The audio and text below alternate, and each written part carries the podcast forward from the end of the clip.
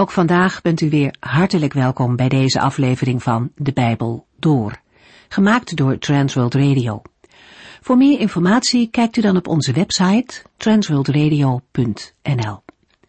In deze serie gaat u in vijf jaar tijd met ons de Bijbel door, van Genesis 1 tot en met het laatste vers in Openbaring 22. De afgelopen keer lazen we Nehemia hoofdstuk 6. De muur in Jeruzalem is inmiddels klaar, al moeten de deuren nog aan de poorten geplaatst worden. In de muur is geen bres overgelaten. Bressen, dat zijn die openingen waardoor vijanden stiekem binnen kunnen komen en zo hun aanval kunnen doen. Wat zijn bressen in het christelijk leven? Openingen die een risico vormen. Er kunnen bijvoorbeeld gaten in de verdedigingsmuur ontstaan door verkeerde leer. Wanneer de Bijbel niet langer de enige norm is, dan ontstaan er openingen en de vijand zal niet nalaten die te gebruiken. Als Nehemia en zijn medewerkers klaar zijn met de muur, wordt dat ook bekend bij de vijanden. Opnieuw doen Sambalat en Gesem een poging om Nehemia te stoppen. Deze keer nodigen ze hem uit om te komen. Maar Nehemia laat zich niet paaien. Hij doorziet hun plannen, omdat hij door alles heen op God gericht is. Hij houdt zijn doel voor ogen. Hij werkt aan de stad van God en laat zich niet van zijn opdracht afhouden. En als de vijand hem wil verslappen door hem bang te maken, dan vraagt hij God om extra sterke handen om het werk toch te klaren. En tegen de wapens van gebed kan geen vijand op. De vijand geeft echter ook niet snel op. Steeds weer komen er brieven om de leider over te halen. En toch sluit Nehemia geen compromis. Ook niet als de toon van vriendelijk steeds agressiever wordt. Nehemia loopt ook niet weg om zichzelf in veiligheid te brengen. Hij vertrouwt op God, dwars door alle strijd heen. Hij kan onderscheiden dat niet alle woorden die vroom lijken ook werkelijk van God komen. Het resultaat is geweldig. De muur is binnen twee maanden klaar en de volken in de omgeving kunnen eigenlijk niet anders dan erkennen dat God met en bij zijn volk is. Na de bouw is het nodig dat er bewaking geregeld wordt. En daarover lezen we nu in Nehemia 7. In Esra en Nehemia komen de thema's het volk, de tempel en de stad steeds terug.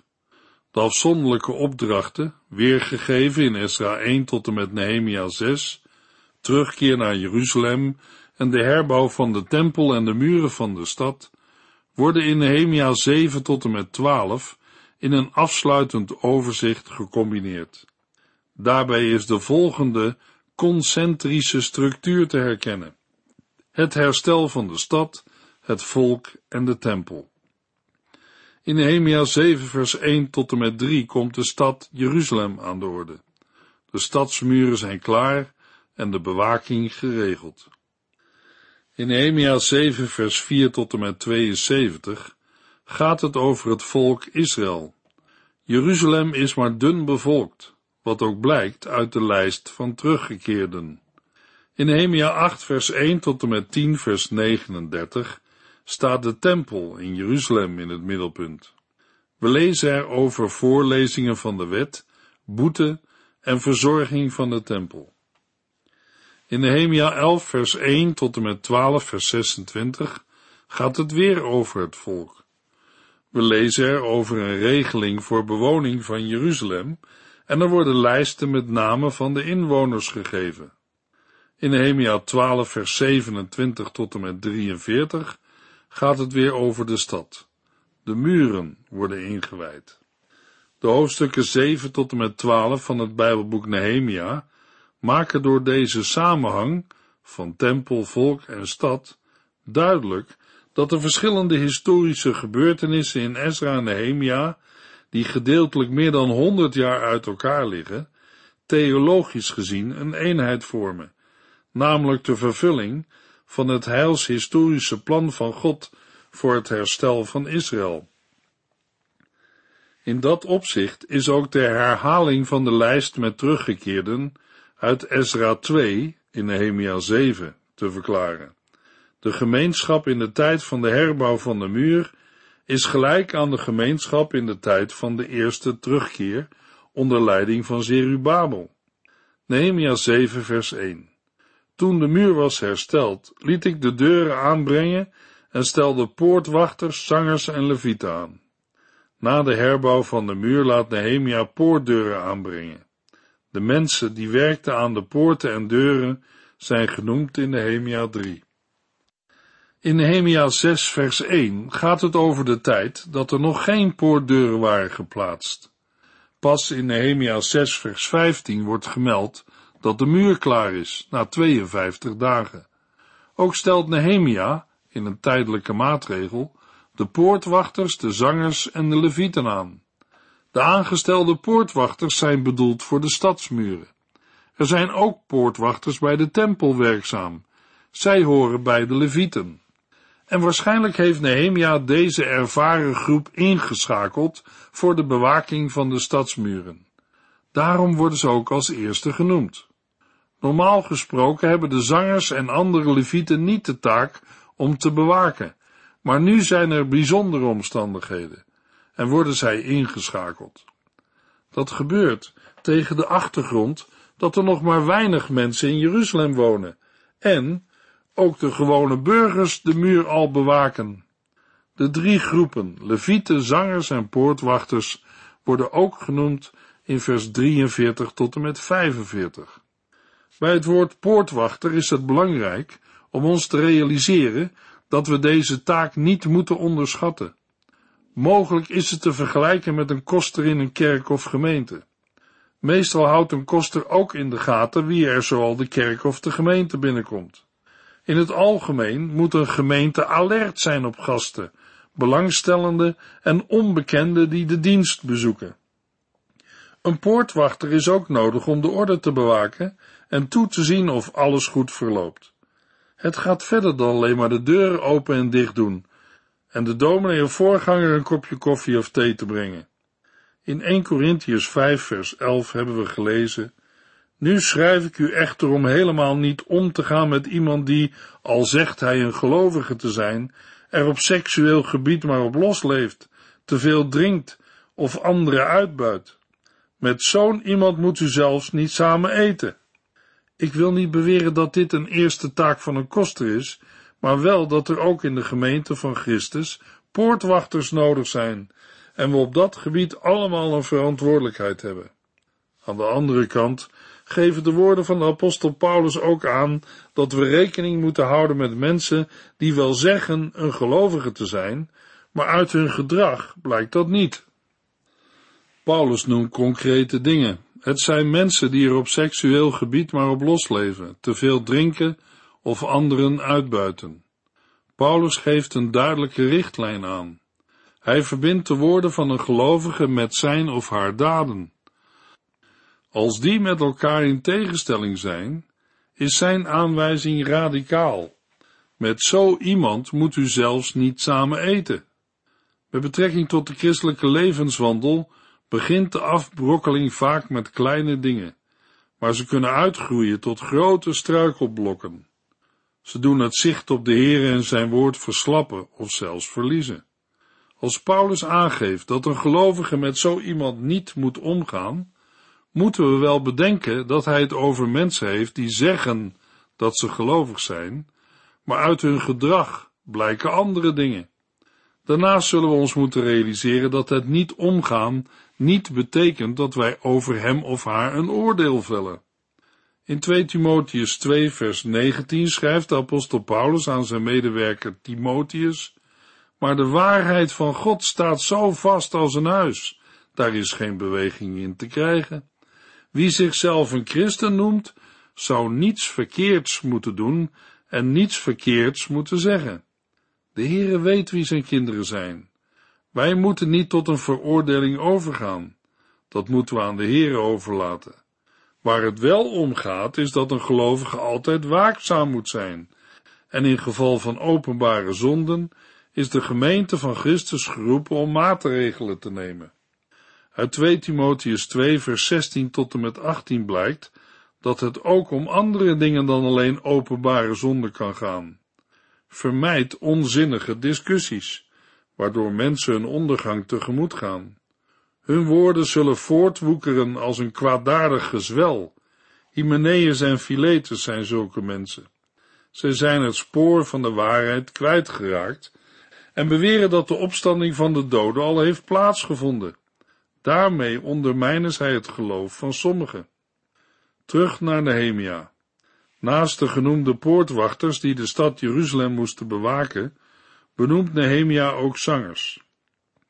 Het loven en prijzen van de Heere is een groot goed en een belangrijke zaak. Iedere gelovige heeft het wel ervaren dat een lied een mens boven de omstandigheden kan uittillen. In Efeziërs 5 vers 18 en 19 staat, bedrinkt u niet, want daardoor verliest u de controle over uzelf. Wees daarentegen vol van de Heilige Geest. Spreek veel met elkaar over de Heer en zing psalmen, lofliederen en geestelijke liederen. Zing met heel uw hart voor de Heere. Het woord psalm is ontleend aan het Griekse woord psalmoi. Het is afgeleid van een werkwoord dat zingen onder begeleiding van een harp betekent. Dat doet weer denken aan David met zijn harp. Het woord psalm betekent lofzingen. Naast de poortwachters en de zangers stelt Nehemia ook levieten aan. Nehemia 7 vers 2 Het bestuur over Jeruzalem vertrouwde ik toe aan mijn broer Ganani en aan Ganania, de commandant van de vesting. Deze laatste was een betrouwbaar man en hij had veel ontzag voor God. Over Jeruzalem stelt Nehemia zijn broer Ganani aan, en naast hem Ganania, de overste van het tempelcomplex of de commandant van de vesting. De broer van Nehemia heeft geen verdere aanbeveling nodig. Ganania is minder bekend en daarom wordt hij geïntroduceerd. Hij heeft al ervaring in het toezicht over het tempelcomplex en krijgt nu een uitgebreidere taak. In Nehemia 3 vers 9 en 12 zijn Refaia en Salem genoemd als stadsbestuurders van delen van Jeruzalem. Waarschijnlijk werden zij niet vervangen, maar was het toezicht op de stad een andere taak, zoals ook bij Mispa in Nehemia 3 het geval was. Voor een bestuurder is betrouwbaar zijn een belangrijke eigenschap. Maar Nehemia vermeldt hier ook dat hij veel ontzag voor God had. Ganania heeft die eigenschap meer dan anderen en is ook daardoor gemotiveerd het goede voor Jeruzalem te zoeken. Ook in het Nieuwe Testament komen we kenmerken voor leidinggevende tegen. Bijvoorbeeld in 1 Corinthiërs 4 vers 2. Een eerste voorwaarde voor een beheerder is dat hij betrouwbaar is. Nehemia 7 vers 3. Ik droeg deze twee op, de poorten van Jeruzalem pas ruim na zonsopgang te openen. Zij moesten ze sluiten en vergrendelen wanneer de wachters nog op hun post stonden. Verder bepaalde ik dat de wachters zelf ook inwoners van Jeruzalem moesten zijn, dat zij regelmatig moesten wachtlopen en dat iedereen die naast de muur woonde, dat deel van de muur dat aan zijn eigen huis grensde, moest bewaken. Bij de vertaling van dit vers zijn twee opvattingen mogelijk. In het eerste geval gaan de deuren alleen op het midden van de dag open. Maar in het Midden-Oosten liggen de activiteiten tijdens het heets van de dag stil. Dan is het tijd om te rusten en zou het vreemd zijn om dan juist de poorten open te doen. Sommige uitleggers geven daarom de voorkeur aan de opvatting dat de deuren gesloten moeten zijn tijdens die kwetsbare uren. Dan is de vertaling, terwijl men op zijn post staat, in het begin van de middag, moeten de poortdeuren gesloten zijn. Van de verovering van Rome in het jaar 410 na Christus is bekend dat de stad in het begin van de middag is veroverd, toen de bewakers doezelden na de maaltijd. In beide gevallen is het duidelijk dat Nehemia de vijand niet vertrouwde en daarom maatregelen nam. Naast de Levitische poortwachters krijgen ook de gewone burgers een taak. Zij moeten de wacht houden bij hun eigen huis. Hiermee zal bedoeld zijn het stuk muur in de buurt van hun huis. Zo wordt iedere inwoner van Jeruzalem bij de bewaking betrokken. En dat is een zware opgave voor zo weinig mensen. Nehemia 7 vers 4 Want de stad was groot, Maar er waren nog maar weinig inwoners en er waren nog maar weinig huizen weer opgebouwd. Na het gereedkomen van de muren en de instelling van de bewaking verwachten we de inwijding van de muren, maar daarover wordt pas later verteld in Nehemia 12. In vers 4 wordt eerst ingegaan op het kleine aantal inwoners. De stad is nog steeds erg kwetsbaar en kan uiteraard beter beveiligd worden door meer inwoners. Daarom lezen we hier dat de stad ruim en groot is, maar weinig inwoners heeft, en dat er nog te weinig huizen zijn opgebouwd. De stad was ruim en groot, een argument op grond waarvan het aannemelijk is dat de stadsmuren uit de tijd van Hiskia zijn herbouwd, en niet die van een kleinere en smallere stad als de stad van David. Nehemia 7 vers 5 tot en met 7 Toen gaf mijn God mij de ingeving alle leiders en het gewone volk bij elkaar te roepen en zich te laten inschrijven in het bevolkingsregister, en toen ontdekte ik ook de lijst met de namen van de families die het eerst naar Jeruzalem waren teruggekeerd. Daarin stond, hier volgt een lijst met de namen van Judese ballingen, die terugkeerden naar Jeruzalem en de andere steden in Juda. Hun ouders waren door koning Nebukadnezar naar Babel gedeporteerd. De leiders waren Serubabel, Jezua, Nehemia, Azaria, Raamja, Nagamani, Mordechai, Bilzan, Misperet, Bigwai, Negu en Baana. Sinds de eerste terugkeer, bijna een eeuw geleden, hebben kleine groepen in de verwoeste en maar gedeeltelijk opgebouwde stad Jeruzalem gewoond. Het was blijkbaar weinig aantrekkelijk om zich daar te vestigen. Daarom maakt Nehemia plannen voor een grootschalige bewoning van Jeruzalem. De Heer geeft hem in het hart de vrije burgers, de leiders en het volk bijeen te roepen om zich te laten registreren. Op grond hiervan wil Nehemia verdere maatregelen nemen tot herbevolking van Jeruzalem, zoals beschreven in Nehemia 11. Tijdens het maken van deze plannen komt hij het oude bevolkingsregister tegen. De lijst bevat de namen van hen die het eerst uit Babel waren teruggekeerd naar Jeruzalem. In de versen 6 tot en met 72 wordt de lijst weergegeven. Hij is nagenoeg identiek aan de lijst die we al in Ezra 2 tegenkwamen. De lijst bevat de families die onder leiding van Zerubabel en Jezua in de tijd van Cyrus uit Babel zijn vertrokken. De namenlijsten in Ezra en Nehemia zijn gesegmenteerd en hebben tot doel de verhoudingen tussen groepen Israëlieten vast te stellen, waarbij de nadruk ligt op het onderscheid tussen degenen die aantoonbaar van zuiver Joodse afkomst zijn en zij die dat niet zijn. Tussen hen is een onderscheid binnen de hiërarchie aanwijsbaar. Dat hier de gewone Israëlieten en niet de priesters voorop staan, kan verband houden met het feit dat de tempeldienst op dat moment nog niet was hersteld. In de Bijbel vinden we regelmatig lijsten met namen van families. Bijvoorbeeld in Genesis 49, waar we de twaalf stammen van Israël vinden. In 2 Samuel 23 vinden we een lijst met de dapperste helden van David. We vinden lijsten in de Bijbelboeken 1 en 2 Kronieken, Ezra en Nehemia. In het Nieuwe Testament hebben we in Matthäus het familieregister van de Heer Jezus gelezen. En in Hebreeën 11 vinden we een lijst van geloofshelden. Ten slotte in het laatste Bijbelboek lezen we in Openbaringen 20 over boeken die worden opengedaan, ook het levensboek. In Openbaring 20 vers 15 lezen we, als iemands naam niet in het levensboek stond, werd hij in de poel van vuur gegooid. Daarna gaat het in Openbaring 21 over de nieuwe hemel en de nieuwe aarde. Dan gaat het er niet meer om of iemand wel of niet zuiver Joods is, zoals in de tijd van Ezra en Nehemia, maar of iemands naam van Jood en niet-Jood staat in het levensboek. Luisteraar, ik kan me voorstellen dat iemand vraagt, wat is dat voor boek? Het levensboek. In Openbaring 3 vers 5 geeft de heiland daarop de volgende toelichting.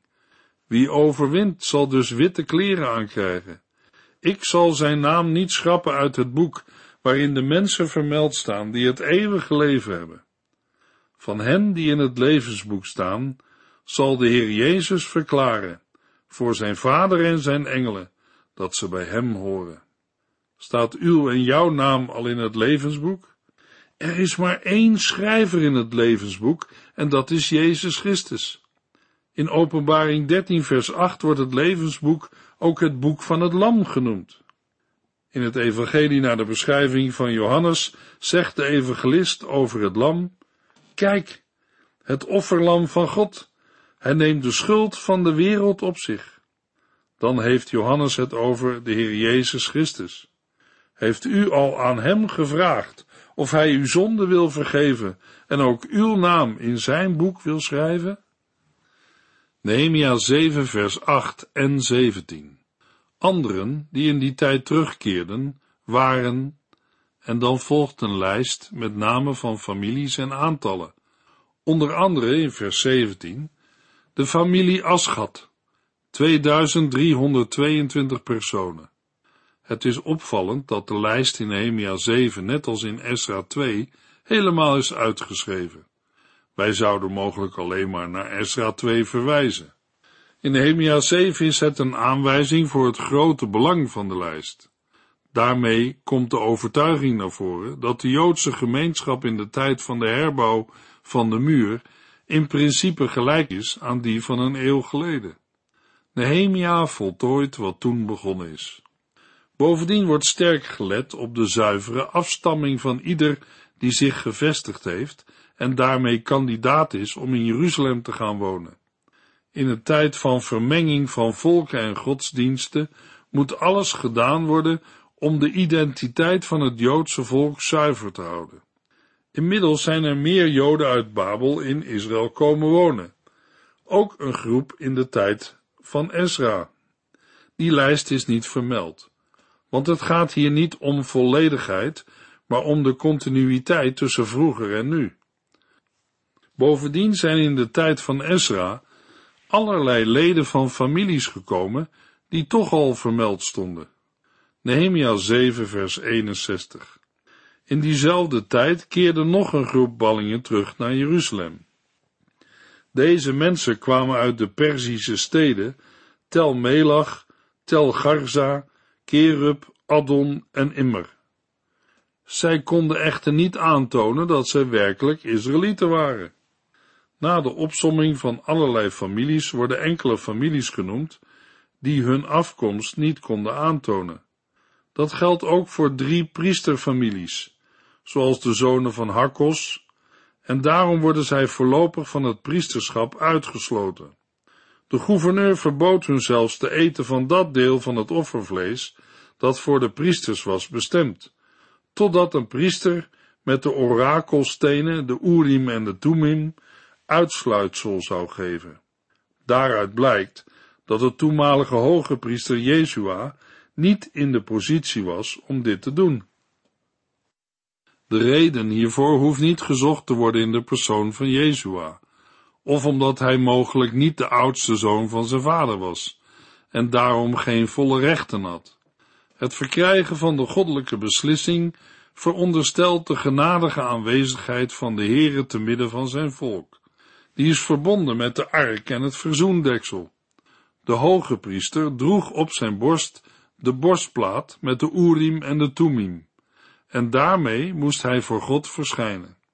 De teruggekeerde ballingen waren zonder ark en zonder tempel. In die omstandigheden kon de hoge priester waarschijnlijk niet voor de Here verschijnen. Het is waar dat de aanwezigheid van de ark niet altijd nodig was. Maar de Heer had zijn aanwezigheid nog niet bevestigd aan de teruggekeerden. Na de herbouw van de tempel is er in het boek Esra geen melding van Gods goedkeuring en aanwezigheid, zoals in Exodus 40 en 1 Koningen 8. De rabbijnen geven aan dat de Heere na de Babylonische ballingschap zijn wil niet langer bekend maakte door de Urim en de Tumim. Zij rekenden het tot de vijf zaken die in de tweede tempel ontbraken. Het totale aantal van de teruggekeerden bedraagt een hoger aantal dan de som van genoemde getallen, 31.089, met daarbij nog 7.337 slaven en slavinnen en 245 zangers en zangeressen. Daarna volgt een opsomming van dieren. Het lijkt aannemelijker dat een deel van de oorspronkelijke lijst is weggelaten of ontbreekt. Naast de familiehoofden heeft ook de gouverneur bijgedragen aan de schat voor de tempel. Tot slot wordt vermeld dat de verschillende groepen die in de lijst genoemd zijn, gingen wonen in hun steden. Nehemia heeft de hele lijst overgenomen met het oog op de herbevolking van de stad Jeruzalem.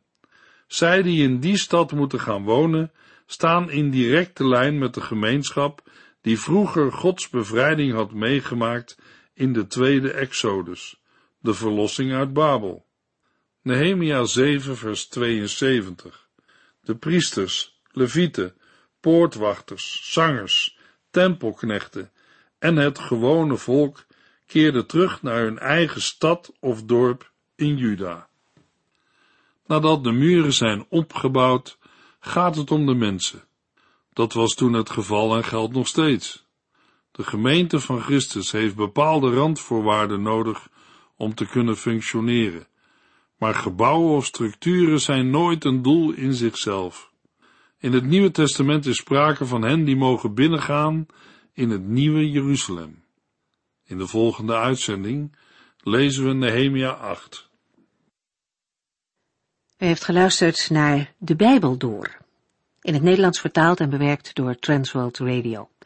Een programma waarin we in vijf jaar tijd de hele Bijbel doorgaan. Als u wilt reageren op deze uitzending of u heeft vragen, dan kunt u contact met ons opnemen. Tijdens kantooruren kunt u bellen op 0342 47 8432 0342 47 8432. Ook kunt u een e-mail sturen naar de at transworldradio.nl en natuurlijk kunt u ook via de post ons bereiken. TWR, postbus 371, postcode 3770, AJ in Barneveld. Dit programma werd gepresenteerd door Cor Weda en Ike André. Techniek was in handen van Odin van Voerkom. En wij allemaal bedanken u voor het luisteren. Graag tot de volgende keer.